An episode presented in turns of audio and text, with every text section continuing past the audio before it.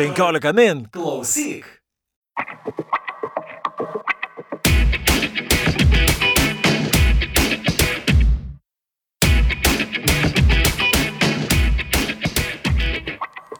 Sveiki, jūs įsijungėte 15 min klausyk podcast apie technologijas ir gyvenimą - Technotronika. Aš esu Gediminas Galkauskas. Technotronikos podcastą palaiko Startup Lithuania, geriausias startuolių draugas Lietuvoje. Prieš porą savaičių pasirodė viena laukiamiausių interneto industrijos apžvalgų - Mary Meeker Internet Trend Reportas. Šiame epizode apžvelgsime, kokios tendencijos vyrauja, kur pasaulis juda ir kaip tai mus gali paliesti čia Lietuvoje. Ir apie visą tai kalbėsiuosi su šio tyrimo didžiuliu fanu, evangelistu, Tesonet rinkodaros vadovu, buvusiu Googleriu, Regimantu Urbanu.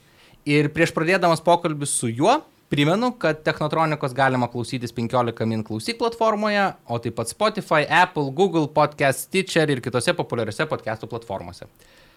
Labas, Regimantai. Sveikas, Gediminai. Tai pradžiai gal e, ne visi susipažinę yra, kas yra tas Mary Mickey ar Internet Trend e, ataskaita, apžvalga. Trumpai papasakok, kas tai yra. Tai yra tokia viena galinga moteriškė vardu Mary Miker. Ir jinai dirba konsultacinį įmoniai ir pagrindė remia startuolius, investuoja į startuolius, kurie dirba digital srity. Ir turbūt gal norėdami save įtvirtinti ir būti kaip vieni iš lyderių, jie pradėjo daryti metinę ataskaitą apie pagrindinės tendencijas, kas įvyko pasaulyje. Pagrindė tai būdavo diskutuojama apie interneto tendencijas, apie skaitminę ekonomiką, apie galbūt žmonių įpročius internete, kaip jie, kaip jie veikia ir ką, ką verslas turi daryti, kad prie to prisitaikyt. Galiausiai paskui tai įsiplėtė į daugiau sričių, apie tai, kaip mes mokomės, apie, apie fintechą, apie medicinos apsaugą ir daugybę kitų dalykų iš esmės, kurios keičiasi technologijų dėka. Na ir ta Mary Meeker visada dažniausiai gegužės paskutinę dieną arba birželio pradžioj pristato ir tai būna didelės apimties, įvairiais metais tai būdavo nuo 250 iki 350 skaidrių dydžio analizė. Ir visi žmonės, kurie dirba internete arba dirba su technologijomis, jiems tai būna labai įdomu, nes paskui visus metus galim matyti konferencijose, kad yra tos skaidrės cituojamos, tos tendencijos rodomos, iš tikrųjų labai įtakingas įtakingas toksai apžvalga. Ir Mary Meeker yra iš esmės moteris, kuri visada tą apžvalgą padaro. Jis sugeba iš tų 300 skaidrių labai trumpai per 2-3 minutės pristatyti pačius svarbiausius dalykus, kurie parodo, kokie pokyčiai vyko didžiausia, bet visi, kas nori, gali į tai įsigilinti ir analizuoti. Ir mes tą būtent Lietuvoje ir norim daryti. Nes mano nuomonė yra, kad ne visi žmonės turi laiko įsigilinti. Šiemet buvo 333 skaidrės. Ir dėl to mes darom renginį, kur padedam per valandą greit susipažinti per įdomiausias įžvalgas. Žinau, kad jūs tą renginį darėte Vilnius Tech Parke praėjusią savaitę, ne? Kelintas tai buvo renginys? Jau padarėm trečią renginį iš eilės. A, ir dirbote valandą. E, truputį išlipom iš valandos, valandą 20 minučių. Mhm. Iš esmės turim e, žmonių panelį ir susirinka nemažai žmonių, kurie turi tikrai nuomonę tais klausimais, turi esminę patirtį. Ir kaip matėm, kad e, auditorija nežiopsojo, į telefonus ne, nebuvo įlindusios, reiškia, diskusija dar vyko gerai, tai ne, nenorėjome priboti. Bet šiaip renginys kiekvienais metais auga, vis daugiau žmonių domisi ateiti. Nes kai paprašau žmonių paklausti, da, kiek žmonių iš tikrųjų perėjot nuo pradžios iki galo, pakyla kelios rankos. Tai žmonės tiesiog paskiria laiką tą vieną valandą įsigilinti ir tokį gauti koncentratą, kas svarbiausia. Aš absoliučiai sutinku, aš kai pradėjau žiūrėti tą reportą, tai aš per tris kartus jį sužiūrėjau ir pirmą kartą ten 20 procentų, po to Taip. ten daugiau skiriau, nu ten toksai reikalaujantis Labai. laiko. Tai ką auditorija iš tikrųjų, na, kas auditorijai gal labiausiai domino, vis tiek tikriausiai tenais ir klausinėjo, ar, ar po to klausinėjo, kur, kad, kada jiems sakys tenais, pritis kokiam temom maždaug sužybo. Iš tikrųjų, temos buvo labai įvairios ir mes tengiamės jas, kaip sakyt, paimti kuo labiau įdomesnės ir aktualesnės Lietuvai arba bent jau Europai, nes kai kurios temos yra labai specifiškos Amerikai, E, iš tikrųjų, manau, pati pagrindinė naujiena yra ir ką matome jau kelis metus iš eilės, kad apskritai truputį mažėja interneto skvarpties greitis ir pasaulį lėtėja. Anksčiau matydavom kartais 10 procentų vis dar papildomų žmonių atėjo online, tiek žmonių prisijungia per telefonus. Dabar mes matom, kad šitie skaičiai jau lėtėja, kad iš esmės e, vakarų Europą, Ameriką, Kanada ir kitos įsivyčiusios šalis, jos jau tie žmonės, kurie galėjo būti internete, jau yra. Ir būsimas augimas iš esmės daugiausia ateis iš Afrikos regiono ir iš Pietričių Azijos. Ir manau, tą labai svarbu žinoti visiems, kas turi kažkokių planų arba verslų susijusių su internetu, kad daug žmonių vakarų pasaulyje, tos mokios auditorijos, jie jau yra prisijungę. Tai labai galima neprognozuoti, kad ten didelis pokytis. O tuo tarpu Afrika ir Azija, ten yra specifiška, nes ten yra ir kitokia infrastruktūra, ir kitoks žmonių mokumas, bet būtent iš Indijos, iš, iš Kinijos bus daugiausiai prisijungiančių žmonių per ateinančius 3-5 metus. Tai aš manau, čia buvo vienas svarbiausių žinučių pagalvoti, ką tai reiškia man, ką tai reiškia mano verslui, jeigu jis susijęs su internetu, kad e, vartotojai iš truputį kitų rinkų uh, jungsis. Ir žinoma, ta pati Kinija, jie puikiai turi savo vidinę ekosistemą, kur nebūtinai vakariečki produktai, kuriuos mes vystom, yra aktualūs uh, tie sprendimai. O Lietuvos verslui, va, jeigu kalbant, mes dabar vis tiek labai dažnai orientuojamės, uh, na, einam į vakarus, ne vakarų Europą, JAV, uh, Tai gal visą tai žinant, iš tikrųjų verta galvoti apie tai, kad, na, reikia eiti į Kiniją, reikia eiti į Indiją, reikia eiti į tą pačią Afriką. Na, nu, netgi lietuviai yra nuėję į Afriką, Taip. ten neskimė, ne? Taip. Ir a, gal ten reikia orientuotis ir, ir suprasti, nes dabar bent jau su kuo tenka, na, startupų bendruomeniai bendrauti, nu vis tiek visi orientuoti į vakarus labiau. Čia labai, manau, gera išvalga. Ir iš tikrųjų, galbūt vat, iš Lietuvos pradedančiam verslui labai sudėtinga pradėti nuo tų tai vadinamų emerging markets, nuo tų besiplečiančių rinkų, nes yra mažesnis uh, iš esmės pelningumas tenai ir atrodo, jo, eikime į Ameriką, nes ten yra garantuotas grobis, bet ten ir konkurencija yra labai didelė. Aš tiesiog pastebiu, kad netgi didžiosios korporacijos, jeigu mes pažiūrėtume į Google, pažiūrėtume į Microsoft, uh, visi, netgi lyderystė truputį keičiasi. Pastebėsit, kad beveik visi CEO tų didžiųjų įmonių dabar yra indų kilmės žmonės, sutapimas ar ne, nes jie ateina truputį vadovauti kitam raidos etapui. Tai aš kaip pat dirbau Google vieną dieną per savaitę, visi inžinieriai, programuotojai turėdavo pasikeisti savo telefoną į 2G ryšį ir dirbti tokiam sąlygom, matyti, kaip greitai kraunasi, tiksliau, kaip lietai kraunasi jų kūriamos programos, kad jie labiau įsigyventų į tai, iš kur ateis tie žmonės iš tų regionų. Tai aš tikrai matau tą, kad didžiosios įmonės e, galvoja apie tai ir ruošiasi savo produktų, kaip sakyti, pritaikymų tam rinkom. O Lietuvoje e, dirbančiam įmonėm labai sunku pasakyti. E, tai žinoma yra galimybė. Ten mažiau su kuo teks stumdytis pečiais, jeigu į tas rinkas norėsite eiti. Ir, bet labai yra įdomu, kad tos rinkos, kaip pavyzdžiui, Afrikoje, jie kai kurios dalykus tiesiog prašoka. Tai, kas mums atrodo, kad jie turėtų dar ateiti iki tai, kad visi turėtų naudotis kompiuteriais, jie tiesiog to etapą praleidžia. Ir pas juos visi dalykai iškart vyksta mobile first, e, ant mobiliųjų renginių. Ir e, labai įdomus dalykas, kad, pavyzdžiui, Azijoje labai bendruomeniškumas stiprus, tai ten yra visokie, tarkim, community marketplace, kur žmonės tiesiog tarp savęs bendraudami e, keičiasi paslaugom, keičiasi prekiam ir jiems net nelabai reikia tokių modelių, kurie yra primtini ir įsitvirtinę pas mus vakaruose. Tai yra tiesiog, sakau, labai pritaikyta jų gyvenimo būdui, jų kultūrai, e, tie sprendimai visai gali būti kitokie. Ir, ir jie, sakau, kai mes kadaise prašokom tikriausiai, nežinau, e, kažkokius fakso aparatus ar um, autoatsakiklius ir ėjom tiesiai prie...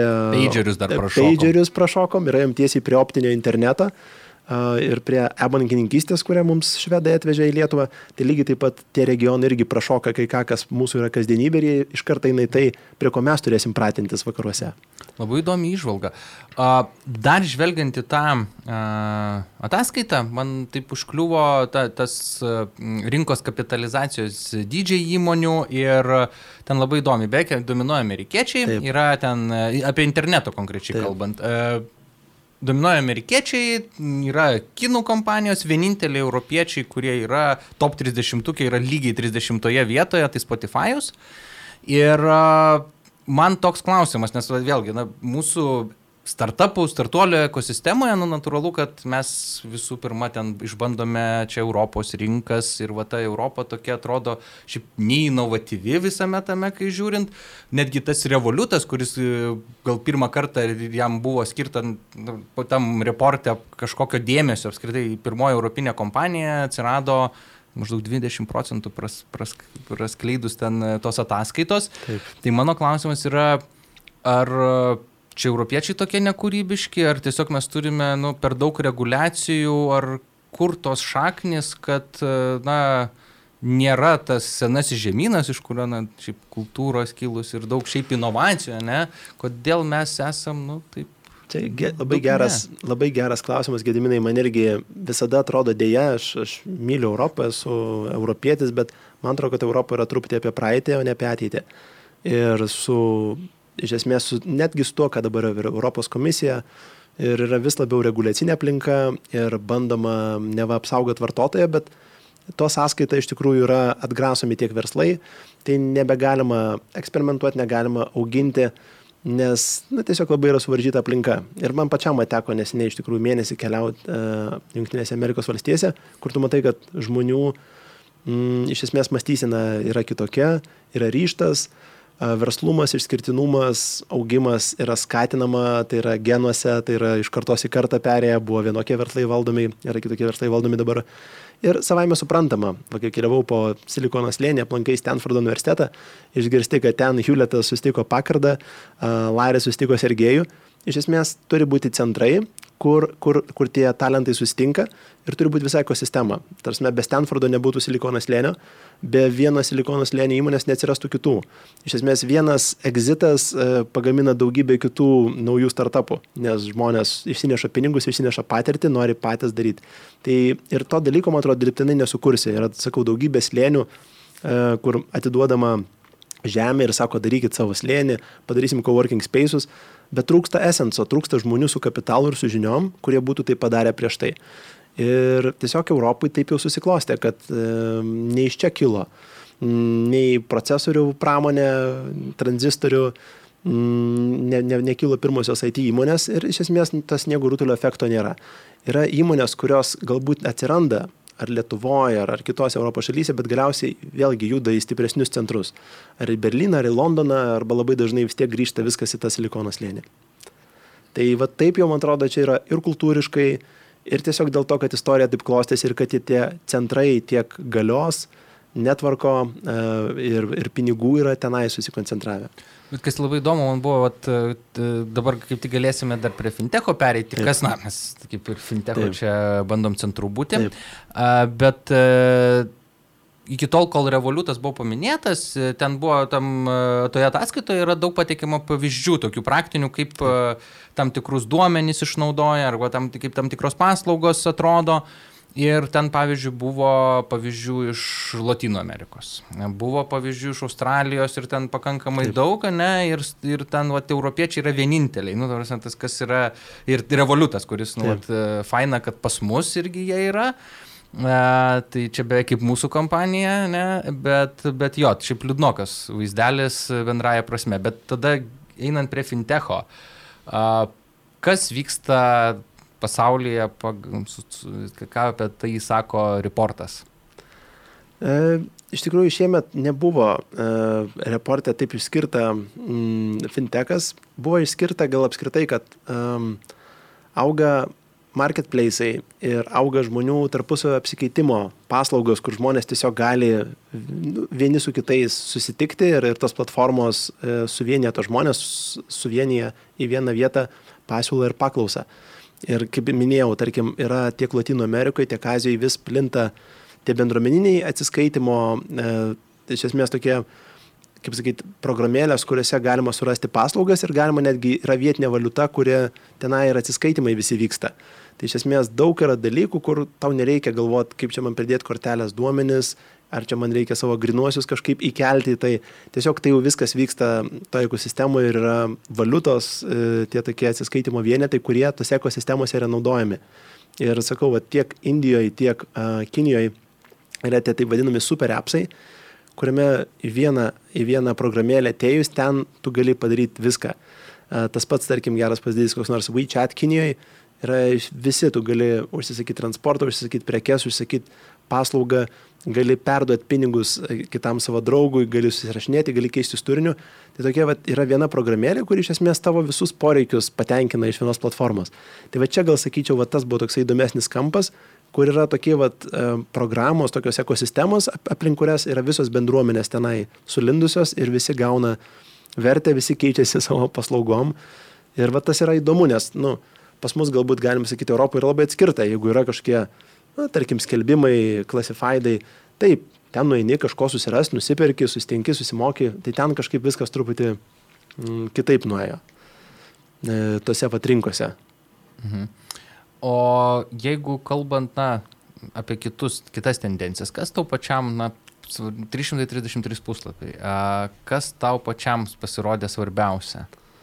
E, Darbūt gal trumpai truputį grįžtant prie tos Amerikos sėkmės ir kad tiek iš ten daug yra sėkmingų įmonių, labai buvo įdomu ir čia turbūt Donaldui Trumpui būna skirtos skaidrės parodyti, kiek iš tų žmonių, kurie yra tų įmonių kuriejai, iš tikrųjų yra pirmos arba antros kartos imigrantai.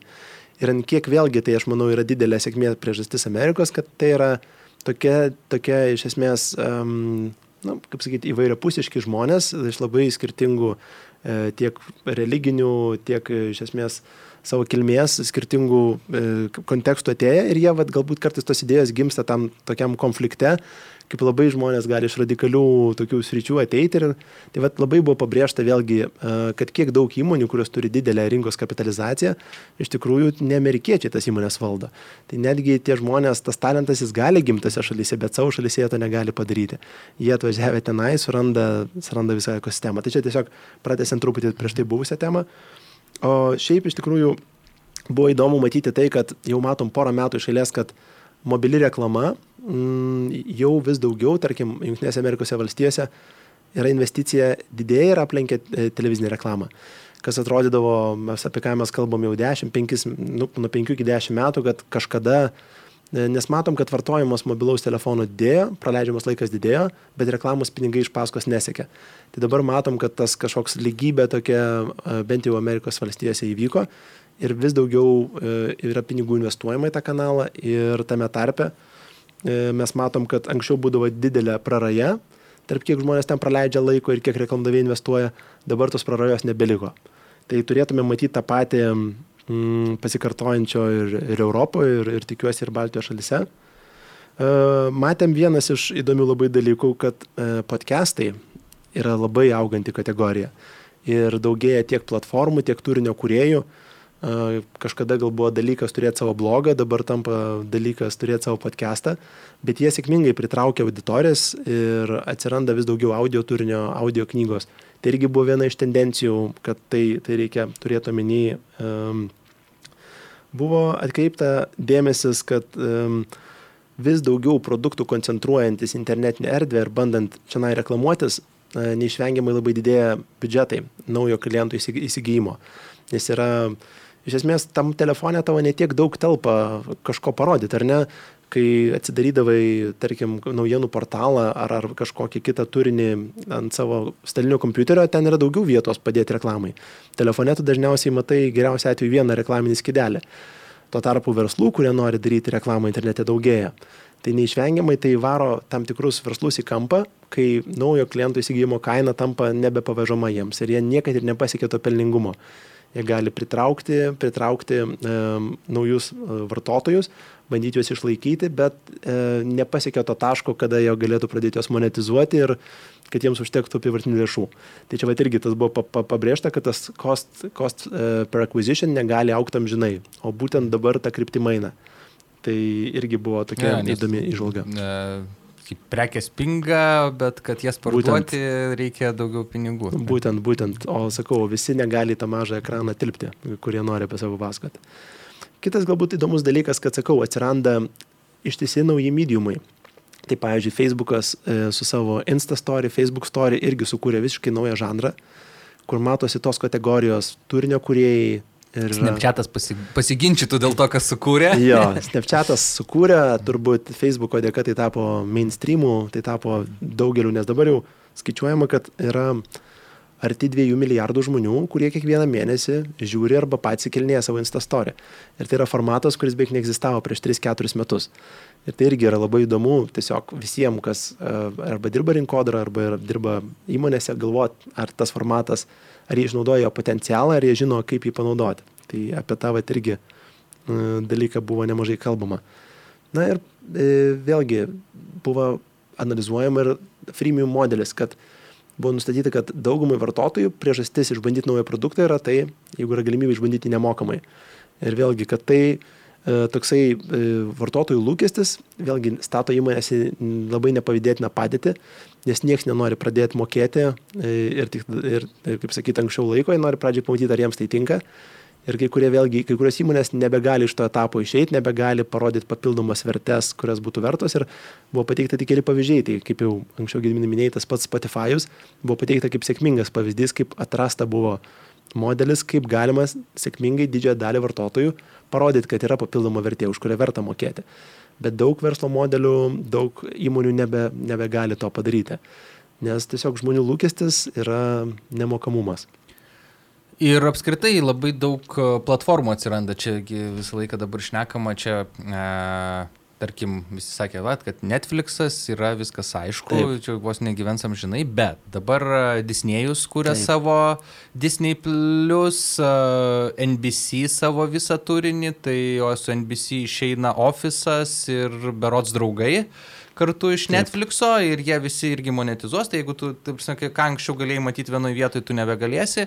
Ir kaip anksčiau tas buvo cord cutting, kad atsisakai Taip. a, kabelinės televizijos ir labai, nes ten Amerikoje, pavyzdžiui, labai brangu, ten būdavo, ten, na, jeigu nori matyti, tai per mėnesį 200 eurų kainuoja, 200 dolerių kainuoja Taip. per mėnesį ten kanalai, o tas pats Netflixas ten atidavo ne už 10 dolerių, tai yra skirtumas. Bet dabar kai visi jau pradeda imti už turinį, pavyzdžiui, jeigu už turinį pinigus, tai tu čia sumoki 10, ten sumoki 15, ten 10 ir galų galia, jeigu nori viską matyti, gal, vėlgi tampa, na, vėl plečiasi. Ir galų galia žmonės pradės rinktis, ką jie norės matyti. Visiškai pritariu. Tarsi tikrai geras pavyzdys su turinio platformom, kad tai vyksta ir vėl vyksta kažkoks segmentavimasis pagal tai, ką tu nori matyti, kad nebėra vieno taško, nebėra vieno destinationo, kur tu gali pamatyti viską bet aš matau ir bendrą tendenciją, čia tokį nelietuvišką gal terminą panaudosiu, kad vis daugiau verslų pereina į SaaS modelį, į Software as a Service ir jie vis daugiau mato, kad yra geriau ne vieną kartą parduoti ir paskui galvoti, kaip parduoti dar kartą, bet kaip žmogų užkabinti ant kambliuko ir turėti nuolatinės prognozuojamas pajamas iš jo visą, e, visą laiką. Ir tarkim, netgi tokie grandai kaip Adobe, visų žinomas Adobe Photoshopas irgi Mm, labai, gal nežinau, ar, ar visi žmonės pastebėjo, gal vienas naudoja, kad irgi buvo pereita vietoj to, kad parduot vieną kartą už 300 dolerių. Yra dabar modeliai, ar tu nori tam tikrų paslaugų seto ir mokėti, tarkim, 12 dolerių per mėnesį, ar nori daugiau paslaugų ir mokėti 30 dolerių, bet visi pereina į tokį, nes tai yra e, tas e, iš esmės pinigų srautas daug labiau prognozuojamas, tu gali daug daugiau dalykų daryti. O su fizinė prekyba negali žinot, kaip čia pirks ar nebepirks. Ir Tai vat, man atrodo, žmonėm vis daugiau iškils um, tokia situacija, kai reikės matyti ir uh, prognozuoti ir organizuoti, kiek tu skirtingų esi paslaugų užsisakęs, kad tas bendras tavo paslaugų paketas nebeviršytų to, kiek tu anksčiau mokėdavai už tą paslaugą, nes tu, kaip ir minėjai, gediminai, jeigu jo pirksi vėl ir NBC, ir, ir Disney, tu galiausiai iki to vėl kabelio kainos priauksi, kiek tu mokėdavai už tai, kad matytum visus kanalus vienoje vietoje. Mes kalbame dabar apie tai, kad uh verslai ir, ir platformos segmentuojasi. Ir, na, žmonės ieško to, ko jie na, nori asmeniškai. Ir tame, toje ataskaitoje Merimiker buvo pakankamai didelis dėmesys skiriamas, na, personalizavimui. Taip. Tai yra tai, kad žmonės mielai keičia savo duomenis į tai, kad gautų, na, personalizuotą kažkokią paslaugą. Ir, bet, na, su ta personalizacija ateina ir tam tikros, gali, nu, pavojai, ne, ateina. Taip. Tai Kas ten daugiau apie tai šnekama yra? Na, trumpai tariant, taip, tai yra tokia visada, visada toksai galbūt kompromisas arba dilema žmogui. Ar tu nori tau pritaikytos paslaugos, kur aišku, kokį turinį tu mėgsti, aišku, kokių produktų reklama tau būtų įdomi mm, ir aišku, kokį turinį tu galbūt savo Netflix'e norėtum žiūrėti. Ir kita tada medalio pusė, kur yra, na, reiškia, kad tos įmonės turi nemažą profilį apie mane susidariusios kai ir prieš porą metų jau buvo žurnalistai atliko tyrimą, kai savo duomenys eksportavo iš Google, savo duomenys eksportavo iš Facebook'o ir tai būdavo duomenų paketai skaičiuojami gigabaitais, kur galėdavai labai labai detalų žmogaus profilį susidaryti. Kaip sakyt, net yra pajokaujama, jeigu CŽV galėtų apie savo žmogų sekamą žinoti tiek daug, kiek dabar žino Facebookas apie kiekvieną savo vartotoją, tai jie pavydėtų, jie, jie norėtų tiek daug žinoti, kiek Facebookas apie savo vartotojų žino. Bet sakau, vėlgi žmonės priklausomai nuo savo privatumo lygio, jie arba mažiau jautrus tam, arba daugiau jautrus tam. Kai kurie sako, niekada gyvenime, aš noriu viską užslėpti, viską išjungti, kad nesiųsti jokių duomenų apie save, kad tik nieko apie mane nežinotų. Kiti sako, kuo daugiau apie mane žinos, tuo daugiau mano laikas taupys. Tuo labiau paslaugos bus man labiau pritaikytos ir gausiu jų geresnę vertę. Tai čia aš manau yra toks asmeninis pasirinkimas kad iš esmės taip, daugybė verslų internetinių sėkmingai auga dėl to, kad jie turi galimybę orientuotis ir prisiderinti prie mikro segmentų, prie labai nišinės auditorijos, kuri šiaip niekada neturėtų savo skirto produkto. Dabar net ir labiausiai nišinė, nišinis segmentas gali turėti savo skirtą produktą, nes globalių mastų jie yra pakankamai didelė grupė, kad jie būtų reikšmingi. Bet, e, sakau, visada yra kai kuriems žmonėms klausimas, ar nėra per didelė kaina. Tai, bet kaip matom, kad retas vartotojas iš tikrųjų visi sako, kad jie rūpinasi savo privatumu, retas vartotojas kažką daro dėl savo to privatumo užtikrinimo. Ir čia yra kitas dalykas, tarsi, kai žmonių paklausia, ar tu rūpinasi savo privatumu, jie sako taip, kai paklausia, ar tu pasikeitei savo slaptažodį nors kartą per pastaruosius metus pagrindinėse puslapiuose, dauguma atsako ne. Ir net tais atvejais, kai yra paprašoma pasikeisti, jis dažniausiai nori pasidaryti tą patį, kuris buvo, kad nepamirštų. Tai čia tiesiog vėlgi yra tas privatumo paradoksas.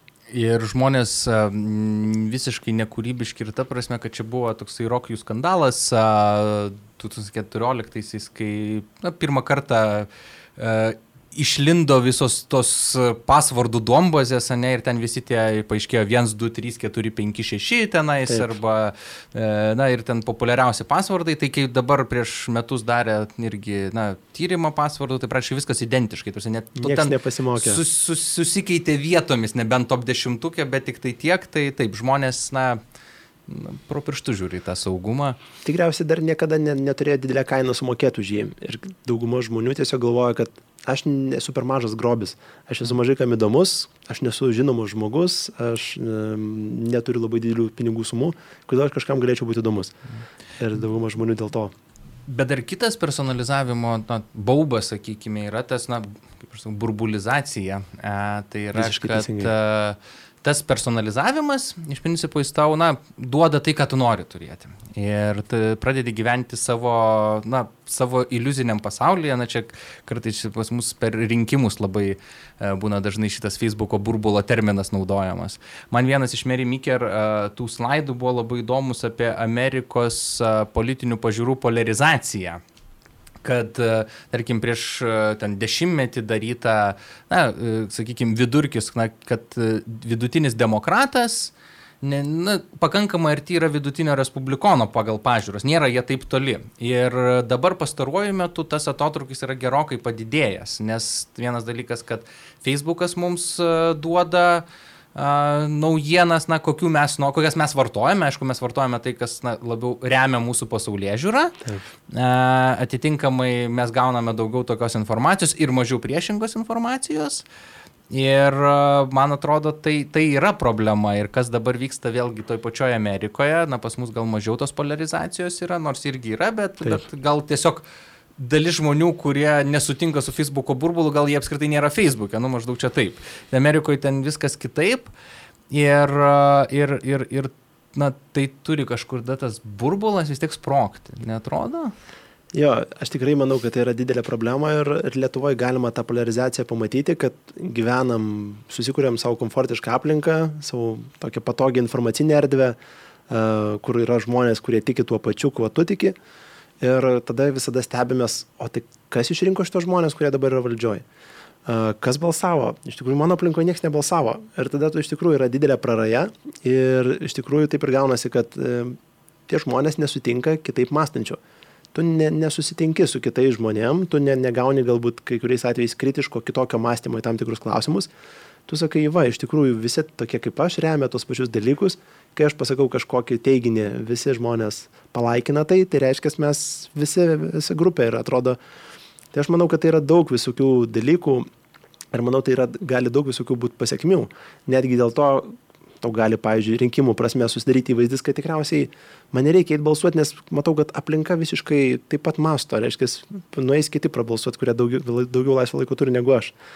Ir, ir, ir tų yra dalykų, sakau, netgi Amerikoje yra daromos įdomus eksperimentai. E, pavyzdžiui, buvo sukurta Facebook'o grupė, kur demokratų, tokie gana radikalūs palaikytojai ir respublikonų buvo tikrai priversti vieną grupę, mm, su, buvo sujungti ir, pavyzdžiui, jie turėjo pasakyti, kaip jie mano, kaip, kaip priešingos pusės e, atstovai juos mato, tarkim, kaip, kaip demokratai mato respublikonus arba kaip respublikonai mato demokratus.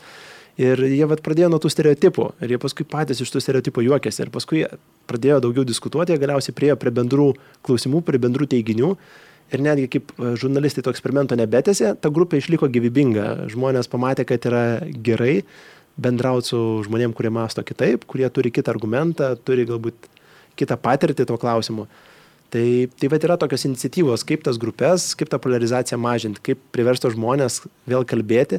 Vėlgi, aš kaip kalbėjau, e, kai kuriems žmonėms privatumas irgi padeda, tarkim, naudoti, tarkim, e, VPN, Virtual Private Network, kur vėlgi yra pribojama dalykai mm, ir niekas nebežino, ko tu šiaip domėjai, iš kurios tu šalies esi ir tu vėl pradedi matyti neutralią informaciją. E, rezultatai Google paieškoje nebėra, nebėra pritaikyti pagal tai, ko tu ieškodavai anksčiau. Yra kiti dalykai, kaip, kaip išeiti iš to burbulo. Tai sakau, yra technologiniai sprendimai, yra apskritai ryštas pradėti kalbėti su tom grupėm, kurios yra kitoje pusėje, bet tikrai, e, kaip sakau, interneto dėka, socialinės medijos dėka dar niekada netgi didžiausių samokslų teorijų uh, puoselėtojai neturėjo tokias didelės auditorijas, kokią turi dabar. Nes yra jų, kaip sakyti, žemiai bendroji sumoje sudėjus pakankamai ir jie gali tą gyvybingumą palaikyti ir vienas kitą kurstyti ir įtikėti dar labiau kai kuriais dalykais, kur anksčiau jie sėdėdavo savo pusrusiuose ir turėdavo labai mažą įtaką, dabar įtaka didėja, jų eteris yra daug daugiau vietos užima. A, tikrai taip ir Čia yra problema, ką na, Facebookas amžinai susiduria, ypač Facebookas čia susiduria su ta. Kitas dalykas, kad Facebookas susiduria su asmens duomenų apsauga, kai mes čia šnekam, kad privatumas yra labai svarbu. Čia prieš mėnesį gal mažiau buvo tas skandalas, kad paaiškėjo, kad e, Facebookas šiais laikais, 2019, sugebėjo kažkur saugoti pasvardus tekstiniu, tekstiniu formatu. formatu, kurį galėjo matyti Facebooko darbuotojai, kas yra, nu, mm, crazy. Tiesiog. Tai yra Uh, ir kitas dalykas, ką dažnai pabrėžia apskritai uh, JAF analitikai dėl, dėl, dėl tų pačių pro problematikos socialinių tinklų, gal ar apsiriau gal ne socialinių, tai tech gigantų. Kad kadangi viskas labai susikoncentruoja, nu, pavyzdžiui, ten Microsoftas virš milijardo turi ten rinkos kapitalizaciją, ten Amazonas su Apple labai netoli, uh, Facebookas truputį žemiau, bet nu, jie tokie kaip ir na, monopolistai. Ir dabar kalbama apie tai, kad na, gal tas labai populiaru dabar break big tech. Mm -hmm. Kad na, iš, iš, iš, iš uh, skaidyti. To nebuvo Mary Meeker reporte, ne. bet mes dabar prie, prie, prie to prieėjome, kadangi na, socialinė ten, ten buvo problemos, kad iš tikrųjų atsiranda tom būtent marginalų grupės labai gauna daug, daug, daug galios. Kitas dalykas, ką jie sako, kodėl tą break big tech, na, juos išskaidyti tos gigantus technologijų reikia, kad na, jų nuomonė kad jie skatina, tiksliau, stabdo inovacijas. Čia kai mes kalbėjome, kad Europoje stabdo reguliaciją, tai sako, kad na, nebėra toms didžiosiom kompanijom, niekas nelsuoja į nugarą, ir Facebookas na, nebeturi, pavyzdžiui, intencijos išradinėti geresnį socialinį tinklą, nes, tarkime, bet koks kaip Snapchatas, tarkim, ateina, visą laiką Facebookas gali nu, praktiškai labai greitai nukopijuoti kažkokį tai tulsą ir įrankį ir jį panaudoti ir taip tas konkurentas iš tikrųjų labai greitai numiršta. Tiesa. Ir kaip manai, nes dabar ta diskusija vyksta, kaip manai, kas nors ten nutiks ir e, Facebookas bus, pažiūrėjau, Instagramas bus atskirtas nuo Facebooko? Vėlgi, čia turbūt labai skamba man europiečikas naratyvas, matanti, kaip reikia spręsti dalykus, kad tiesiog vėlgi per reguliavimą, per kažkokius tokius dirbtinius apribojimus būtų smagu, aišku, kad rinka spręstų, žmonės balsuotų savo pinigais, kuo jie tiki, ką jie nori daryti. Aš aišku sutinku, kad be konkurencijos nėra inovacijos. Klausimas, ar tai yra vėlgi toks dirbtinis e, konkurencinės aplinkos pagerinimas duos tą rezultatą. Ir ar stos tie vat, kažkokie startuoliai su dideliu potencialu, kurie užims tą vietą. Jeigu tai tikrai matyčiau, kad taip vyks, aš palaikyčiau tą dalyką. Bet aš dabar matau, kad yra tiesiog mamutų medžioklė ir kai tu negali nieko padaryti, tu tada bent jau priešinėsi ir tu stengiasi įkasti. Ir man aišku, tarsi daug kur jau Google ir Facebook buvo pastatyti į vietą, sakykime taip, e, Europos komisijos ir, ir baudas yra susimokėję ir turėjo atskirti, kad tarkim nebūtų, tai, tarkim, Chrome naršyklė Android aplinkoje kaip, kaip užstatyta kaip pagrindinė, kad, kad galėtų žmogus pats pasirinkti naršyklę. Bet aš bet niekad nežinau, ar kas nors sugrįždavo ir paskui pasižiūrėdavo, ar pasikeičia iš tikrųjų vartotojų elgesys, ar tie sprendimai, tie apribojimai, kurie buvo priimti, koks iš tikrųjų rezultatas po metų ar po dviejų. Tai mes girdim, kad mamutas buvo nugalėtas, jis buvo nudoptas, sumedžiotas, ar vartotojas dėl to gavo gerą rezultatą, ar vartotojas buvo apgintas, ne, tos antros dalies aš neišgirstu asmeniškai šiose istorijose. Uh, tai bent jau amerikiečiai, kas sako, kad, na, pavyzdžiui, Scott Galloway, e, šiaip tai labai mano mylimas uh, veikėjas, tai jis ir sako, kad uh, reikia tą išskaidyti Big Techą dėl to, kad, uh, na, nesikuria darbo vietos. Taip. Kad vartotojas ne, nenukentės, nu, pavyzdžiui, kad jisai sako, jeigu klaudo Amazono tas AWS uh, bus atskirtas nuo uh, Amazono pagrindinio, tai iš principo bendrai du verslai bus verti gerokai daugiau negu dabar vienas Amazonas. Taip. Na ir ten taip toliau. Tai ir, ir kad tai tada atsiras konkurencija ir, ir, ir panašiai, bet aišku, visą laiką niekad negali žinoti. Man čia sakau, truputį primena tas darbo vietų kūrimas tokiu būdu, tai panašiai iš esmės kaip tikrai uh, stakles daužyti, ne kaip, kaip buvo daroma prieš, prieš porą amžių, ar ne, kai Taip, žmonės visada bijojo, kad technologijos arba progresas arba efektyvesnis kažko darimas atims darbo vietą, mažiau reikės žmonių. Aš tai nežinau, čia toks turbūt filosofinis klausimas. Ar darbo vietos yra esmė, ar iš tikrųjų ekonomika, jeigu valstybė gauna savo indėlį, jeigu jinai gali socialinės reikmės patenkinti savo piliečių, galbūt tie piliečiai gali savirealizaciją kitose būduose surasti negu dirbdami. Tai čia labiau yra klausimas, nu, ar ekonominis modelis veikia, ar, ar tie didieji išskirsto savo uždirbtus dividendus ir, ir visa visuomenė gauna iš to vertę. Nes jeigu tas iš tikrųjų toksai modelis nevyksta, tada žinoma, tai yra spręstina problema. Bet kitais atvejais, nu, man sunku matyti vėlgi, kad tai Aš sakau, galbūt aš truputį šitoj pusėje vienpusiškas, aš šešis metus pats dirbau Google Iš tos pusės tikrai viskas atrodė, kad e, taikikliai nu, nukreipti čia nai ir lengviausia iš tikrųjų kalbėti apie didžiuosius, medžioti didžiuosius. Niekas negalvoja, kad kadaise tie didėjai turėjo praminti patį kelią, e, sukurti tą inovaciją, sukurti tokį produktą, kurį norėtų milijardai žmonių kiekvieną dieną naudoti. Ne, ne visi produktai pasiekė tokį lygį. Kažkas buvo padaryta. Bet paskui dėl savo pačių sėkmės jie turi mokėti tą kainą. Nors iš tikrųjų jie negavo kažkokių uh, trumpesnių kelių į savo sėkmę. Jie ėjo paprastu būdu.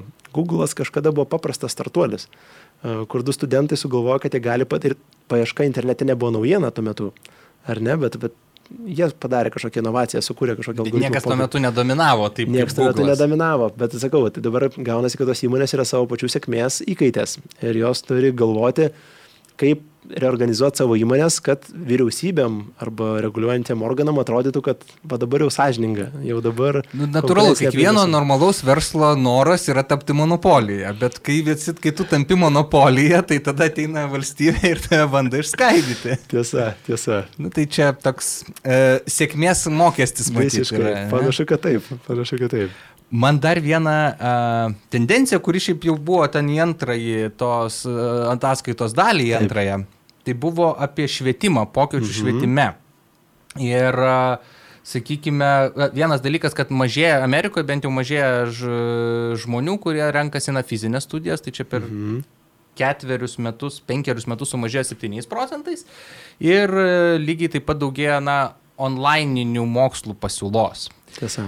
Ir man atrodo, tai yra labai svarbi tendencija dar ir dėl kito dalyko, kad na, mes tikrai nežinome, kokios bus ateityje specialybės. Mes čia kažkada dar praeitam pokalbį, beje, Technotronikos podcast'o šnekėjome, kad ko gero netgi mes, kai va, mokyklą baiginėjome, nu, niekas neįsivaizdavo tokios specialybės kaip socialinių tinklų administratorius. Nu, jo tiesiog nebuvo. Ir, ir, ir tai tuo labiau mes tikrai neįsivaizduojam, kas bus po 10 ar 15 metų. Ir na, reikia naujus įgūdžius mokyti ir gal tas netgi on, onlineinis mokslas yra labiau, labiau tinkamas tokiom sąlygom. Labai pritariu iš tikrųjų. Ir iš tikrųjų analizuojama buvo, kad auga platformos kaip Coursera, kaip EduX. Vis daugiau universitetų nemokamai atveria tam tikras savo studijų programas. Aišku, galbūt universitetam tai yra tam tikras būdas irgi tą tokį freemium modelį uh, parodyti iš esmės kokybę, vieną kursą atverti nemokamai, bet yra labai įdomu stebėti netgi ir buvo analizuojama, kurie kursai yra patys populiariausi kurserai, tų žmonių, kurie patys mokosi. Ir machine learning e, buvo iš esmės populiariausias kursas tiek dabar, šiemet, tiek praeitais metais. Uh, tarp kitų populiarių kursų iš esmės yra kriptotechnologijos, uh, yra programavimo ir kinų kalbos pradžiamokslis. Tai yra va, daug dalykų, kur būt parodo tikrai, ką žmonės mato kokius įgūdžius jie turėtų gauti, kad jie būtų konkurencingi ir ateityje e, per ateinančius porą metų. Ir taip, dabar matom, kad pagrindė daugiausia tose platformose yra Šiaurės Amerika ir Azija e, su Europą. Kitose šalise dar ta tendencija po truputį tik ateina.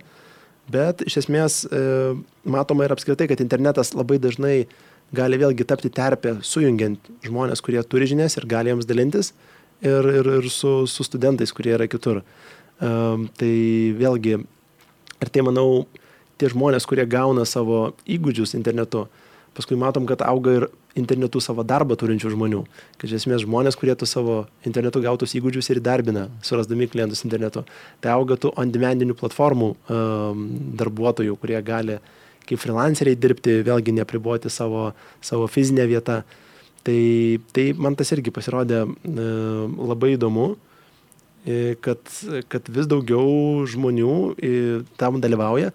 Ir kas yra dar įdomu, kad įmonės pastebi tą tendenciją ir vis daugiau įmonių išleidžia savo pačių mokymosi kursus, kuri galbūt tai gali būti daug, dėl daugybės tikslų, galbūt ir dėl pritraukimo, galbūt kažkokio kaip lyderio formuojimo įrankis, galbūt pritraukti kaip klientus, pritraukti darbuotojus. Arba bet, talentus. Arba ja. talentus pas save dirbti, bet vis dažniau įmonės pasinaudoja tą tendenciją, kad žmonės linkia mokytis internetu ir ieškoti informacijos tenai. Ir jie ateina tenai ir atveria iš esmės savo, savo know-how, sakau, dėl skirtingų tikslų. Tai va irgi matom, kad daug yra daug įmonių, kurios įstraukia į tą veiklą. Ir dar kitas dalykas - kaina, nes na, čia Amerikos, aišku, aktualios, pas mus tas mokslas mm, yra gerokai pigesnis negu Amerikoje. Amerikoje ten studijuojančių žmonių įsiskolinimas už studijas, paskolos už studijas viršyje kreditinių kortelių įsiskolinimą ir ten yra pusantro trilijono JAV dolerių.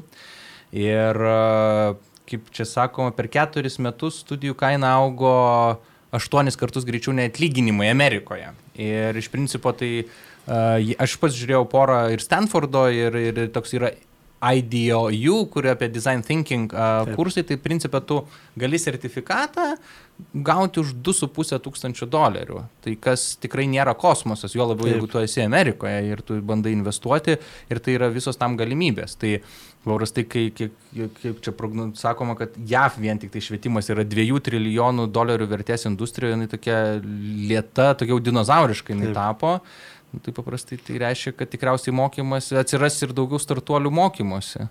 Visiškai tas, nes vat, ir buvo tame tyrimė ir palyginimo Arizonos universiteto, kuris beje vienas iš pirmųjų Amerikos universitetų, kurie pradėjo uh, daug savo mokymo medžiagos pateikti internete.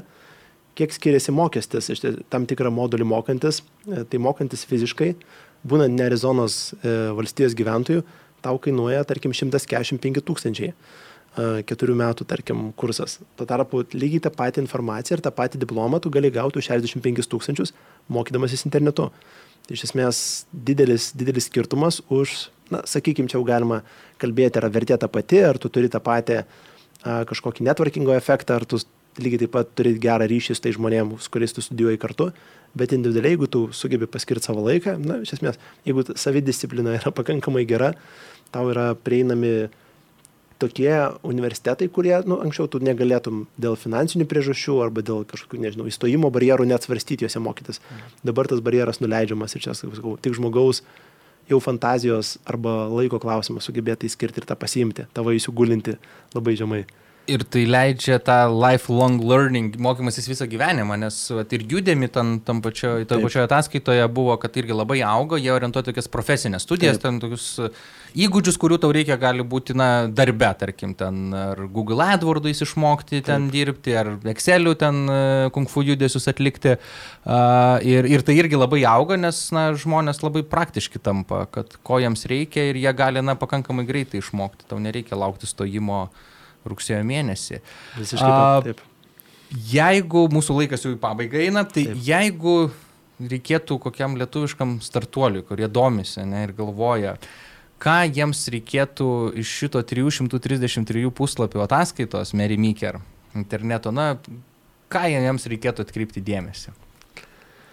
Jiems turbūt reikia pagalvoti, kur dėti savo dėmesį ir kur potencialiai planuoti, iš kur ateis jų vartotojai, iš kur ateis jų pajamos.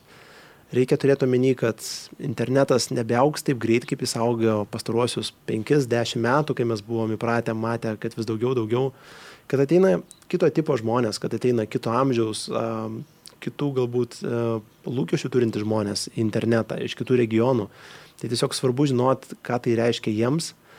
Reikia žinoti, kad mobilus internetas ir mobil, mobili reklama yra tikrai pagrindinis, pagrindinis kanalas. Tarsi, tos šalis, kurios internetą ateina tik dabar, jos tikrai praleidžia kom, did, didelių kompiuterių erą, tiesiai tenai atsiradimas yra svarbiausias. Tai tikrai galvoti apie tai, kaip pasiekti, kaip kūrybiškai išnaudoti tos formatus, kurios teikia mobilus internetas, kaip išnaudoti Instastories, kuris yra naujas žanras, kurio nebuvo iki šiol.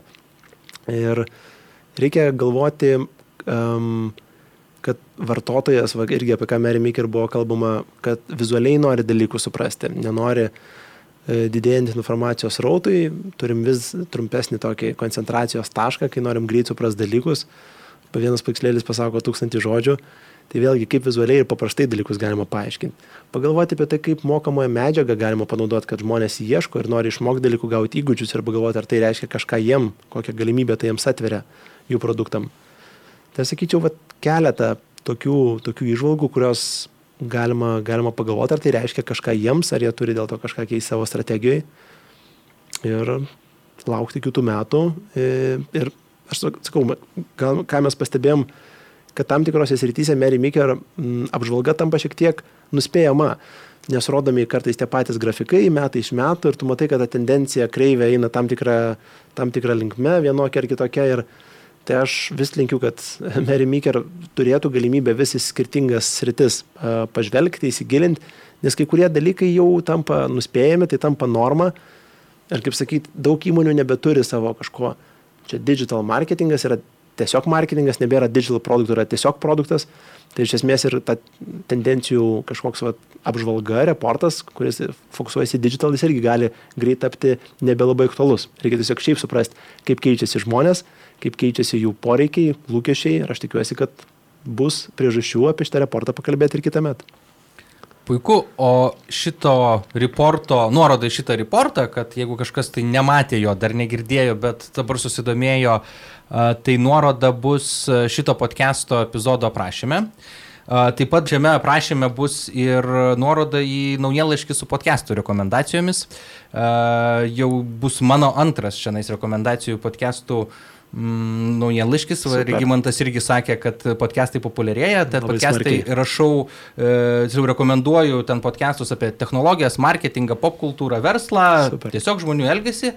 Tai jį galima užsisakyti, nuoroda bus, rytoj išeina antras naujienlaiškis, o tada aš dėkoju Regimantai už labai įdomų pokalbį. Ačiū labai, Gediminai, kad pakvietėte. Ačiū, kad sudalyvavai ir iki. Iki.